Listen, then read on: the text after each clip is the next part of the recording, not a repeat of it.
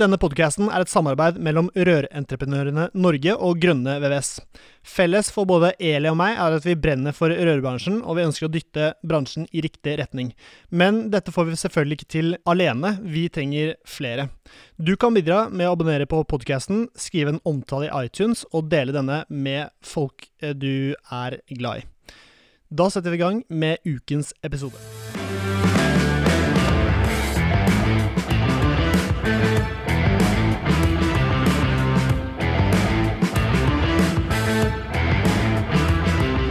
Hjertelig velkommen til ny episode med Bare rør.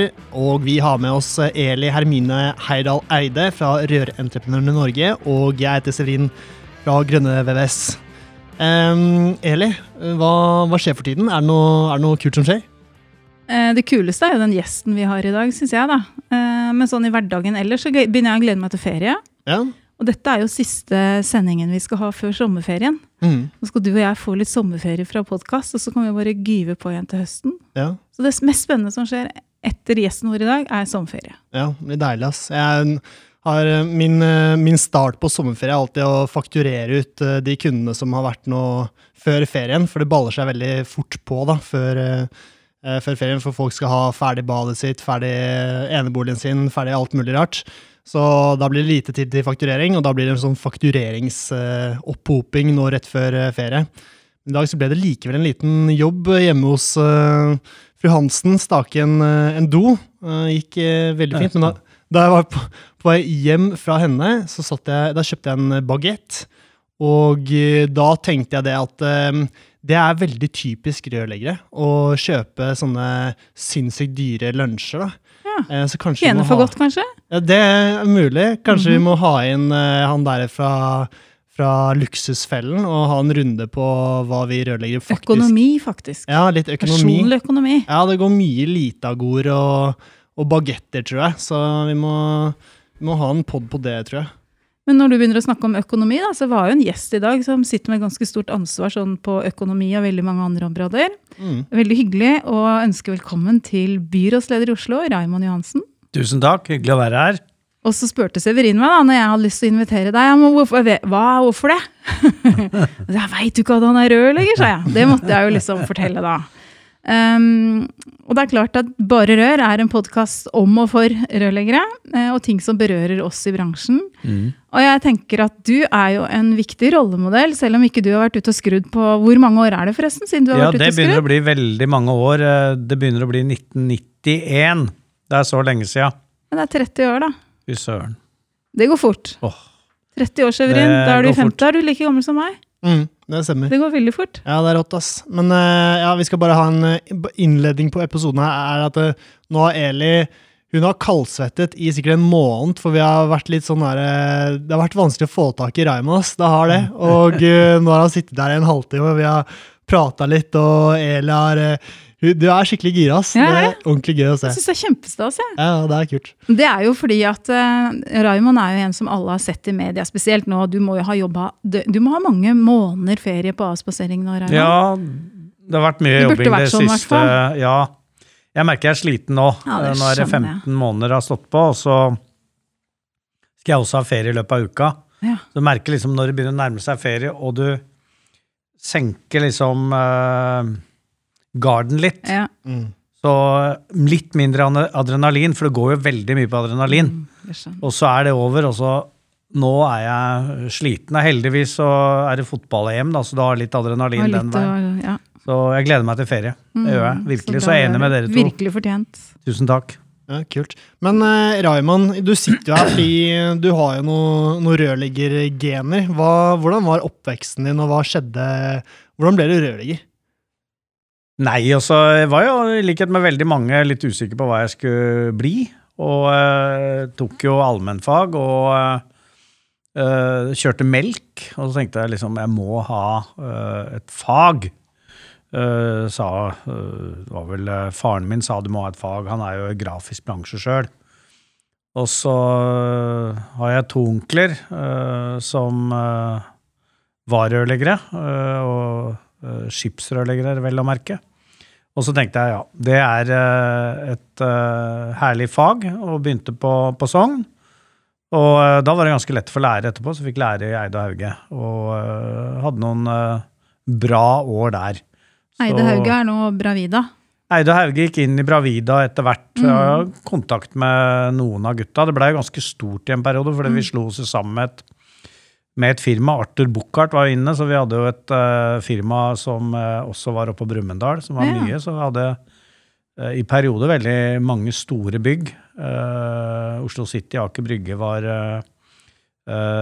var store utbygginger som vi hadde, og Televerket og, og andre. Så det var mange fine opplevelser fra, fra tida i Eide Hauge. Mye, innmari mye flotte folk. Og det du Og rørfaget er jo fantastisk i den forstand at du ser jo endring. Du ser at du gjør noe konkret. Mm. Resultater når du går hjem på dagen. Eh, Resultater når du går hjem. Og det var jo Og det er jo noen rørleggere som jeg vil påstå er i nærheten av å være kunstnere. Som er så gode. Du kan sitte og se inn i Her skal det bygges et fyrhus. Og så sitter de der og begynner å tegne og gjøre det helt Der skal den ligge, der skal den ligge. Og er ferdig liksom å ha det oppi huet sitt, hvordan det uh, skal bli. Og det å være sammen med så fantastisk dyktige håndverkere som er i nærheten av kunstnere, var jeg så heldig. Og eh, selvfølgelig, jeg var ikke i nærheten av noe, noe sånt, men uh, utrolig gøy. Og det var finord, ass. Det, wow. Ikke dårlig. Men eh, hvordan gikk veien videre, da? Når du, du fant jo på et eller annet tidspunkt at uh, rørlegging var likevel ikke Du var ikke kunstneren? Nei, jeg, jeg var ikke kunstneren. Helt sånn eh, average. Uh, vært, var veldig heldig i uh, Fikk med meg også et opphold uh, ute i eh, For det var et veldig stort jordskjelv i Armenia. Eh, og det var jo der Det het jo Sovjetunionen. Det var jo en del av Sovjetunionen. Uh, jeg begynner å bli gammel. Uh, og uh, da uh, var det en innsamling, masse penger som masse folk i Norge ga penger. Den innsamlingsaksjonen som Røde Kors hadde. Og da var gaven at vi skulle bygge Fridtjof Nansens hospital i Spitak. Og da vant vi, Eide og Hauge, anbudet på det. Og da var det jeg og en annen, Roy Kristoffersen heter han, fortsatt i bransjen, som da var bas, og så jeg som visebas. Og da tok vi sammen. Altså det som skulle være, plukka vi ut uh, røra til hele sjukehuset. Og uh, sendte i konteinere fra Oslo havn til Tallinn i Estland. Som da, uh, og så gikk det på tog gjennom Sovjet, og da til Spitak. Og da var det 50 nordmenn fra ulike bransjer, da, elektrikere og rørleggere og masse snekkere, som da eh, brukte noen måneder oppe i fjellene der og, uh, uh, og greide å bygge dette sjukehuset. Og så har jeg alltid vært politisk interessert. Jeg var jo klubbformann da i Eide Hauge også, og så, jeg, så tok politikken meg etter, etter hvert. Jeg blei jo byråd i Oslo på, tidlig på 90-tallet. Men Eh, Så jeg gikk jeg egentlig rett fra det å være rørlegger Til å bli politiker. til å bli politiker. Og jeg husker en veldig sterk følelse. Jeg hadde jeg satt, jeg var byråd for miljø og samferdsel i Oslo i 1991. Og så uh, kom jeg opp og uh, var usikker, og da var det han uh, som da var kommunaldirektør, Ulrik Fredrik Beikmann. Vi satt og så over Oslo, så hadde han tatt årsrapportene fra alle de etatene som jeg skulle styre, så hadde han en sløyfe rundt, og så sto det 'Velkommen til oss'. Så gikk han ut av døra. Da tenkte jeg, hva i all verdens land og rike har jeg rota meg opp i nå? Jeg satt oppe i 11. etasje i Vestre tårn og så utover. Og der var jo alle Ja, da hadde vi til og med et eget eh, rørleggerverksted i kommunen. Oslo kommunale rørleggerverksted. Og 15 etater. Så du fikk en litt bratt læringskurve, du, da. Jeg gjorde jo det. I den perioden så blei jeg vel mest kjent fordi at jeg sa måk sjæl. Det, var- det var på et eller annet tidspunkt. Men ja, det var bratt læringskurve, men jeg lærte, og siden har jeg mer eller mindre ikke vært i politikken. Jeg har vært med uh, Jobba en del internasjonalt, så jeg fikk jo veldig smaken på det, for jeg var ute med eh, i Armenia, da. Mm. Så jeg har jo kommet tilbake etterpå. eh, faktisk når jeg var statssekretær i Utenriksdepartementet en del år seinere. Det må jo ha vært i eh, 2000, 2001, første runde. Og da skulle jeg dra fra eh, opp til Jervan, som er hovedstaden, og kjøre bil opp til Tiblisi i Georgia. Og så skulle vi stoppe, da. Og jeg ville, ja, vi må dra innom Spitak på veien. Litt omvei for å se sykehuset. Og da eh, var det en del, og da sto legene på trappa der, og så var det fotograf og sånn. Sånn. Nei, jeg vil ned til venstre. Jeg vil ned i fyrhuset. Rett ned, og dem sto der. Hva i all verdens stand og rike skal den fyren ned der? Og så inn og se på fyrhuset, for Det hadde vært uh, var så artig å, å, å se Det er hjertet. etter. Ja, det er jo det. Vi hadde det jo veldig artig og øh, lærte mye. Du legger jo Bor jo tett på folk. Det var jo øh, veldig mange som døde i jordskjelvet. Så det var jo liksom Vi gikk jo litt rundt i byen og i landsbyen i Spitak øh, litt sånn på kveldene, men det eneste, i hvert fall sånn jeg husker det, det eneste de hadde å tilby oss da, var jo vodka. Men det var jo ikke så jævlig lurt når du da samtidig skulle prøve å få å dette sjukehuset ja. ferdig. Så øh, det er en eh, stor opplevelse, så det var kanskje det også mange ting som førte meg bort fra Men det. det fra å være rørlegger til å bli politiker på heltid altså Mm. jeg, en, jeg jobber jo med rekruttering til rødbransjen, og, Ja. og forfekter jo stadig vekk at eh, med et svennebrev som utgangspunkt, så kan du bli hva du vil, Mm. Det du, kan jeg du. sier. Og du er jo faktisk et levende bevis på det. Ja, det er jeg, og, eh, men det som er liksom i det å ha en bakgrunn eh, også fra håndverksfag og andre, så er det, eh, det er utrolig mye sunn fornuft. Du kommer jo ganske langt med det. da. Være konkret og stille liksom helt sånne konkrete spørsmål. Og så mener jeg altså i Jeg har noen fordeler eh, ved å ikke være akademiker. Det er at jeg veit at jeg er avhengig av mange. Jeg er avhengig av det de har i huet. Så jeg er god til å etterspørre kunnskap. Eh, og eh, hvis du da har eh, lange akademiske utdanninger, og sånn, så tror du kanskje at du i noen ganger har de fleste svara sjøl, hvilket du ikke har. Nei. Så eh, Du er ikke så redd for å spørre. ikke, Det er helt nødvendig å spørre og, eh, og grave og finne ut av ting. Så Nei, det har vært en, en, en, en bra bakgrunn å ha med seg det også. Absolutt. Spennende. Men um, nå som vi snakker om rørleggerfaget sånn ellers, mm. nå jobber jo um, Severin skal ta inn sin første lærling nå, så vi er jo veldig opptatt eh, Jo, i bransjen av å rekruttere. rekruttere. Um, og jeg jobber jo med Bli rørlegger, som er Ja. det konseptet vårt i forhold til å få folk inn i bransjen. Mm. Søkertallene våre er veldig gode. Altså Mhm. Vi hadde en 10% økning i rørleggerfaget i år. Nasjonalt, eller? Eh, ja. Mm. Eh, og i Oslo så hadde vi også en veldig pen stigning. sånn at eh, det skjer noe i Oslo-området også. Og Opplæringskontoret vårt sier at uh, de tror ikke de kommer til å ta inn noen mindre lærlinger i år, heller flere enn det de har hatt tidligere. Ja. Men den største utfordringen vår, uh, både i Oslo, men også i resten av landet, er at vi får mange søkere som ikke kan norsk. Og det er så vanskelig.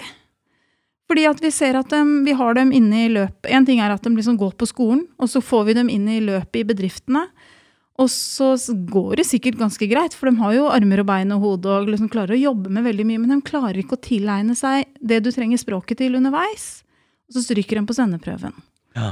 Sånn at det blir liksom vanskeligere og vanskeligere for bedriften å ta inn de som har de utfordringene. Og det er litt sånn til deg som er politiker, da, og faktisk Mm. kan sitte og trekke inn noen tråder. Mm. Så er det faktisk en av de store utfordringene våre i forhold til å utdanne fagarbeidere i framtida. Ja. Det er rett og slett helt sånn basic norskkunnskaper. Ja, jeg ser det, og det ser vi også er problemet, fordi at vi har jo disse øh, altså læreplassgarantien vi ønsker å gi folk, mm. eller vi ønsker å gi de som har gått ut læreplass, læreplass, og så ser vi at en del blir avvist på læreplass pga. manglende norskkunnskaper, så det er Det har øh, en kjempejobb å gjøre, altså, for vi er trenger en, de folka. Definitivt gjør vi det. Så det må vi ta, ta tak i. Og det er jo, ene er jo det at det er tydelig når de da ikke kan norsk når du er en 16-17, Mm. uh, så betyr det jo da kanskje at du kom hit ganske seint. Det kan nok hende at du kom hit ganske seint. Ja, uh, men jeg ser at det er en, en utfordring. Mm. Definitivt. En annen ting. Um, Arsen, han som skal bli lærling hos meg, som nå går på videregående, han nevnte at um, De har ikke nok plass, Altså, det har vært skyhøyt uh, søkertall, men på Nesbø, som han går, så har de ikke mulighet til å ta inn flere rørleggere, selv om det er um, eller flere elever, selv om det er mange som har søkt Nei, det er 15 plasser som regel i en sånn eh, klasse. Går det an å gjøre noe med det? For det er jo veldig mye gode kandidater som da går glipp av muligheten til å bli rørlegger. Nå er det jo fylkeskommunen som sitter og styrer, eller dimensjonerer skoleklassene. Eh, Det er vi som gjør det, ja. Ikke sant? Og vi husker jo For noen år siden så var det veldig populært å gå sånn mediekommunikasjon. Nå er ikke det Mm. fullt så populært lenger. Og det var også, sikkert også et resultat av at det var veldig vanskelig å få noe jobb etterpå. Mm, Men det var ikke plass til alle de som hadde lyst til å gå, for det hørtes veldig kult Mm. ut. ikke sant? det var det. Så det er klart at det, det burde kanskje vært litt større mm, fleksibilitet i forhold til å tilpasse og kanskje få en ekstra klasse, da. Jeg ser det. Men, men nå har vi Jeg, jeg ser det. Vi øh, har jo øh, Når vi begynte i 2015, så har vi veldig ambisjoner om å få opp antallet som søker Søker. yrkesskole. Mm. Først så var det én av fem, nå er det litt bedre enn én av fire. Mm. Men liksom når jeg begynte på Sogn på førsten av 80-tallet, så var det jo Da var det mange flere som gikk på sang. Og, Jeg eller- kom ikke inn på rørleggerlinja Nei. med bare meget, liksom, som Ja, vi kalte det den gangen. ja, ja. Jeg kom Men- men ikke inn på Hovedgrunnen til det er jo den endringen som har vært av Oslo, da. Eh, Fordi at veldig mange velger jo eh, det faget på bakgrunn av hva eh, nær familie har. Mm. Eller Hva- venner. Eller venner. Men Oslo har jo blitt mer og mer akademisert, og det Mm. betyr jo at det er færre som har familie og venner som er håndverkere. Så det å få opp eh, prosentvise andelen der av de som faktisk ser fordelene ved å ikke ta en lang, kanskje du ikke virkelig trenger eller burde ta en lang akademisk utdanning, men hvilke muligheter det er å få seg et fag. Nå ble jeg veldig Eh, glad når jeg hørte at du sa brukte ordet lang utdanning istedenfor høyere. For Mm. det er sånne ting jeg brenner litt for. Ja. At vi driver og snakker om uh, kort og lang utdanning. Mm. Men når du da sier til alle som har fagutdanning, ja, det er jo en kort utdanning, og så er liksom en lang utdanning, eller høyere utdanning, Mm. at det, det høres liksom så innmari mye bedre ut. ja, men det Og det er jo så synd. Så jeg var veldig veldig glad du sa, brukte begrepet lang utdanning, for det er mye mer riktig. Men det er jo ikke noe veien for en som er eller en som tar en yrkesutdanning, mm. eh, som da er en e- Det er jo faktisk en selvstendig utdanning i seg sjøl, å bli rørlegger eller whatever. Definitivt. Det er jo ikke noe veien for at du også kan ta en lengre utdanning etter det. Jeg har gjort det sjøl. Ja, du er mester, eller? Nei, jeg har gått andre veien. Jeg har Ja. tatt eh, økonomi og Ja, ledelse og sånn på BI. Men det er liksom, du, kan, du trenger jo ikke egentlig å velge Du har jo tatt mesterutdanning ferdig nå i år. Ja. Ferskmester. Um, men det å ta en utdanning som fagarbeider betyr jo ikke at du er nødt til å bli ingeniør eller altså Du kan jo velge å jobbe med andre ting også. Definitivt. Det er det viktig å få fram. Du vil attraktiv i, i de forskjellige bransjene, da. Akkurat det som er så viktig å få fram, at det åpner flere dører enn det stenger. Ja. Ved å Men jeg tror folk en tror det motsatte. det, ja, men det er det som er så Ja. dumt. For det, det, er, det å bare ta en vanlig uh, på en måte allmennfag uh, aldri Ja. på videregående, så stenger du flere dører enn når du tar også en yrkesfagutdanning. Så kan du ta og bygge på hvis du vil Mm. seinere. Så eh, det er en del av den informasjonen som vi gir. Og så er det jo det å også styrke rådgivertjenesten ute på, eller på ungdomsskolen. At de som skal ta uh, utdanning videre. For det er mange som ikke har nok kompetanse på hva det betyr å ta en yrkesfagutdanning. Så det har vi også jobba mye med. Men vi veit jo at uh, for å liksom få folk til å endre mening, så er det jo rollemodeller. Altså vi, Jeg jobber med den Bli rørlegger. Der er vi veldig opptatt av å bruke rørambassadører, kaller vi rollemodellene våre. Ja. da. Eh, og de som er lærere på ungdomsskolen, hvem er det? Jo, de er jo bare akademikere. Mm. Alle har jo tatt en vanlig studieforberedende og en lang lærerutdanning Helt etterpå. riktig. Det er jo faktisk mulig at folk med fagutdanning også kan bli lærere. Hadde det vært en idé å prøve å tenke at vi skal ha litt mer mangfold i forhold til hvem som er rollemodeller Ja. i ungdomsskolen? Mm. Er det, liksom, er det helt Men jeg tror det var tenke sånn? mer av det før også, når vi hadde flere som har tatt en uh, Ja, Sløydlæreren min var tømrer. Ja, Ikke sant? Men han Sløytlæreren finnes jo, sløydlæreren fins jo ikke lenger. Nei. Nei, det er en del av det hele. Det er å få inn kunnskapen. Også det å kunne bruke folk, f.eks. dere. da. At du er en del av rådgivertjenesten på skolen. For å komme, det er det vi tenker nå. Komme inn og informere om mulighetene det er i de ulike fagene til de som trenger det. Og det er jo å åpne liksom Bygge ned barrieren mellom skole og arbeidsliv. Mm. Kan det være et veldig viktig tiltak på det. Så eh, det går i hvert fall i riktig retning. fordi at vi har jo gjennom denne pandemien på 15 måneder er har jeg, mener jeg vi har blitt klokere på en del ting. Vi har sett det at vi er i for stor grad avhengig av importert arbeidskraft. Absolutt. Også innenfor vårt fag, altså våre bransjer. Innenfor landbruk, innenfor uh, fiske. Vi er nødt til å leie inn folk. Vi er nødt til å leie inn hele veien. Og da er det liksom Da, vi, da må vi utdanne flere. Vi kan ikke regne med at det går så dårlig i Polen og andre land framover at de ikke vil dra tilbake. Uh, så vi har nødt til liksom å, å greie å øke andelen på yrkesfag og kommunikasjon uh, og de faga du nevnte, media og Mm. kommunikasjon, som er fine fag, men det er ikke sikkert at så Ikke sikkert mange alle skal drive med det. Helt Nei. riktig. Så altså dimensjonere, da tenker jeg sånn i forhold til å dimensjonere videregående Nå, vet- vi nå har ikke jeg nok kunnskap Nei, her vi sitter nå om hvor mange det trengs på f.eks. yrkesskolen her i byen. Da. Men hvis Severin får et oppdrag av en, si han får et oppdrag av Veidekke, da, for å ta et eksempel, om å gjøre en jobb. Og så jobber jo ikke du så mye med isolasjon og sånn på større anlegg sjøl. Så ønsker du å leie inn en som skal isolere røra for deg. Det går jo ikke. Sånn som dere reglene dere har i Oslo nå, så er det faktisk nesten umulig. For da, eller du kan trikse Ja, men litt, da. Ikke sant? Nå ja. har, kan du bare ha det er bare, Mm. Du kan bare ha ett ledd. Sånn at Hvis Severin skal leie inn en som skal isolere, da vet man må gjøre da? Da må han be Veidekke om å leie inn den personen, og så må han ta fakturere den videre. Vi ønsker oss et ledd til, vi.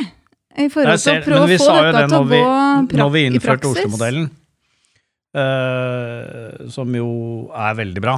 Men, ja, uh, men, men, men vi ser jo det at det kan jo være på en måte utilsiktede barnesykdommer det er lov. som å er lov å endre på. Vi ser jo her at det i for stor grad er større bedrifter som profitterer på det, og mindre bedrifter som Severin og NO, som fire-fem er vans- Det er de små og mellomstore Ja. som lider under den Ja, det, modellen. og det var jo ikke en tilsiktet ordning for oss. Det var jo mer det å plassere ansvaret et sted, Mm. Uh, som var tydelig. Fordi at Uh, Det hadde hadde jo var- tatt litt av da, i forhold til hvor mange ledd under det var, så det var veldig fint å rydde opp i det. Vi kunne jo oppleve at det var opptil ti eh, liksom ledd ned. Ja. Jeg pleier å si at det var en i underentreprenør til underentreprenør til underentreprenør underentreprenør som la gulvet i sjuende etasje, som ingen visste Ingen hvem var. Ingen hadde ansvar. ansvarsfraskrivelse, vet du. Men uh, Oslo-modellen, hva er dette for noe? Nei, Oslo-modellen er jo egentlig å uh, stille noen krav. Også Oslo kommune kjøper jo varer og tjenester for milliarder av kroner. Hvordan kan vi påvirke markedet gjennom å stille krav? Og det vi stiller krav til, er jo øh, øh, blant annet en hovedentreprenør. øh, om at øh, Om å ta inn lærlinger. Mm. Er det en pris, pro, viss prosentsats Ja. med lærlinger? Ja, 10% Så 10% av arbeidet som blir utført, skal utføres av lærlinger på Ja. bygga. Ja. Det er for å sikre bedrifter som tar inn lærlinger. Ja, det er det. Og så er det sånn fakturering. Det er ikke lov med cash kontant. Mm. Det er uh, Et old school. Den old school, men uh, ikke overalt. Mm. Så uh, det har Så vi stiller og tarifflønn,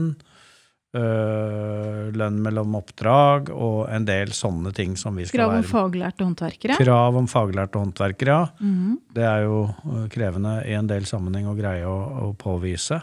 Men det er rett og slett for å bruke vår øh, makt som øh, kjøper av varer og tjenester til å påvirke markedet. Fordi svart arbeid er en utfordring, øh, mindre enn før. Eh, Useriøse aktører er en utfordring. Eh, Og det vi ser, er jo en, øh, en glidning fra Vi så jo at det var mer krevende på større byggeprosjekter, mens nå har veldig mye av det vi kaller svart arbeid og tendenser til øh, kriminell virksomhet, beveget seg mot privatmarkedet. Mm. Eh, Så hvordan greie å stille eh, tilstrekkelig strenge krav retta mot eh, privatmarkedet, er jo da neste utfordring. Det handler jo om seriøsitet. Altså. Rett og slett for å få rydda vekk det. Altså, det er jo også igjen, på litt lengre sikt, så er jo det med å rydde opp i forhold til eh, statusen til yrkene våre. Altså, Definitivt. hva, hvor mange som søker seg til yrkene våre, og hvordan folk Ja, ja, snakker ja. om oss. og så- altså, alt dette handler egentlig om seriøsitet. Så det handler om å få rydda bort de eh, elementene som ikke har noe der å gjøre, som ikke betaler skatten sin, og som ikke oppfører seg ordentlig.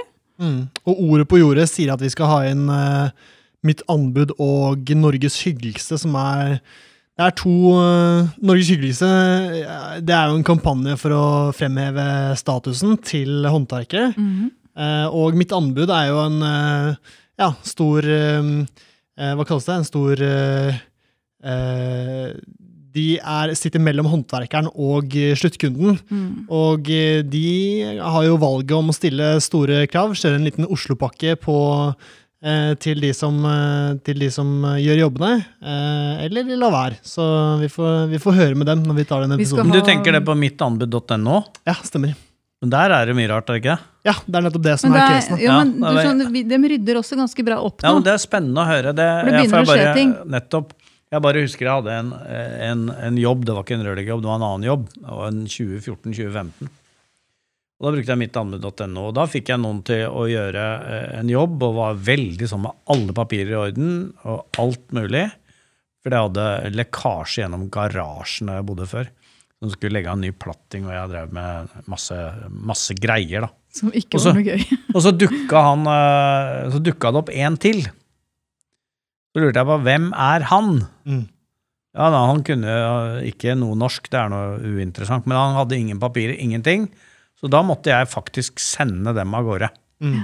For de kunne ikke være der. Men det er jo en kjip situasjon å komme i. Det var jo ingenting jeg ville mer enn Men det så ut som det var i orden i første øyekast. Første gang så det ut som det var i orden, men da må du være en som er redd for å få VG på nakken, som jeg er. Ja, det Sånn, skjønner jeg. liksom, I tillegg. Så du, Du ikke sitter å- i glasshus. Selvfølgelig gjør jeg det, ja, ja. og da må jo tåle å bli ettergått hele tiden, og det, det liker jeg. Men, men det krever jo at jeg måtte gjøre en masse jobb Mm. eh, som jeg ikke fikk uh, svar på, som, mm. fordi at dokumentasjonen ikke var der. Til syvende og sist så sitter jo hver og en av oss som oppdragsgivere med det ansvaret. Det er det vi gjør. Men jeg tror ikke Men du har et så godt tar poeng. Ja. Du har et så godt poeng som jeg tror liksom, Når vi nå snakker om det andre, å rekruttere til håndverksbransjen. Rekruttere blant annet til den bransjen. Og så, Da dreier det seg om verdsetting da, Mm. av yrket. La oss si et sånt yrke som er krevende å få liksom, nok rekruttering til, er malerfaget f.eks. Mm. Hvis du da skal male huset ditt, og det engasjerer noen, og så sier pappa da, ja ja, den får 50 kroner timen. Og så, Hvilket signal er det til barna i den familien? Av verdsetting av det arbeidet. Du får i hvert fall ikke de til noen gang å tenke at det faget er verdt å satse på. Vi er med på, på å akseptere svart arbeid, måten å tenke på, så undergraver vi Du en del av fagene, og til mitt skjønn, vi skjærer av den greina vi sitter på. Mm. Absolutt. Alle Så, sammen. veldig bra uh, måte å si det på. Mm. Bra, eller? Så fint. Og så kred av Raymond Johansen. Det er stas! Ja, det. Men, vi, men når du snakker om det, da, så vi jobber jo eh, fram til 1997, som var det året du ble født. Ja, et år Seks, ok, da, han var eh, et år, da. Da hadde vi faktisk noe som het autorisasjon i rørleggerfaget. Ja. Så mista vi jo det, Ja. og det har ikke vært noe pre. Eh, Så vi jobber nå med å prøve å finne en måte sånn at vi får, får tilbake autorisasjonen vår. eh, Rett og slett fordi at vi ser at det vil være med å sikre punkt én, bedre kvalitet på det som blir utført av arbeid. Men også at mye av det arbeidet vi driver med, som vann, vanntilførsel f.eks., Ja. eksempel, det er jo en sånn veldig viktig samfunnsoppgave. Eh, Det er også HMS, altså det er mye fare med dette her, med brann og vannskader og sånn. Så vi ser at um, de får til i Danmark eh, å få til autorisasjon, så burde Men har de ikke det få elektrikerfaget? Jo, men ikke Ja. rør.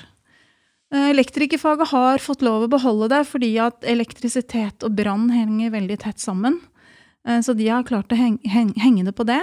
Men i Danmark så har de nå fått autorisasjon tilbake til rørleggerbedriftene. Eh, Og jeg tenker at uh, Jeg har jobba i rørentreprenøren i mange år. Mm. Og det jeg har fått høre i alle de åra jeg har jobba her, at det, det, hvis det er noe viktig dere skal jobbe med, eller så er det å få tilbake autorisasjon. For Ja. det gagner bransjen, og det Hvem er det som må vedta det? Jeg tipper at det er noen sånne ministre som du sikkert kjenner, Ja. uh, som kanskje kommer i posisjon snart, Ja. som du kunne snakke med for oss. Nei da, men, men det handler rett og slett om å bare få en forståelse for at det som er veldig lett å få tak i, det er jo sjelden veldig attraktivt. Altså hvis det er Mm. noe som hvis det er noe som kommer veldig lett, eller hvis det er noe som er veldig billig, eller, da er det jo sjelden sånn veldig stas. Mm. Ref merkeklær, da. Hvis det er et merke, et, en type merke som er veldig populært, så koster jo det veldig mye. Men hvis at det plutselig blir til salgs på um, Nille, uten å disse noen, så er det plutselig ikke så kult lenger. Nei. Og det som skjedde med rørleggerfaget, var at det var litt sånn heva, fordi at du var faktisk, det ble stilt krav til at du var mester, og du liksom måtte ta denne autorisasjonen. ikke sant? Mm. Og så blei det borte. Og så ser vi jo det at vi har jo problemer med vannskadestatistikk, og vi har en del sånne utfordringer eh, som vi kanskje kunne fått rydda opp i hvis bevisstheten rundt hva som kreves for å drive en bedrift, liksom blei Ja. stramma til. da. Ja. Så det tar vi gjerne en prat på sånn eh, Ja, er over bordet en dag. Altså. Mm. Men det er et område som også er med i forhold til den seriøsitetstankegangen som samfunnet har for å rydde opp i det som kanskje har vokst litt ut av Mm. hendene på oss. da. I en del år nå. det, I og med at danskene har gjort, så kan de ikke ha noe med EØS å gjøre. Nei, vi trodde først at det skulle bli vanskelig å få Mm. til pga. Mm. EU og EØS. Mm. Men i og med at danskene har fått det Ja. til, så kan det hende at det kan være noe vi kan få til her i Norge også. Så det å jobbe i en bransjeforening, skal jeg love deg, du blir litt potet. Ja, Eh, du må, bra, som du som byråd, du må vel ha en finger med i spillet på det Ja, aller meste. Det må jeg. Det Nei, men Supert. Raymond, er det noe du vil legge til på slutten av eh, episoden nå? Vi er kommet nokså godt inne, og eh, er det noe du vil legge til, eller er det, har du Nei, altså veldig hyggelig å være her. Uh, og uh, eh, lære mye å snakke med dere òg, Ja. om utfordringer i, i bransjen. Og er det noe vi uansett vi trenger i framtida, så er det vann.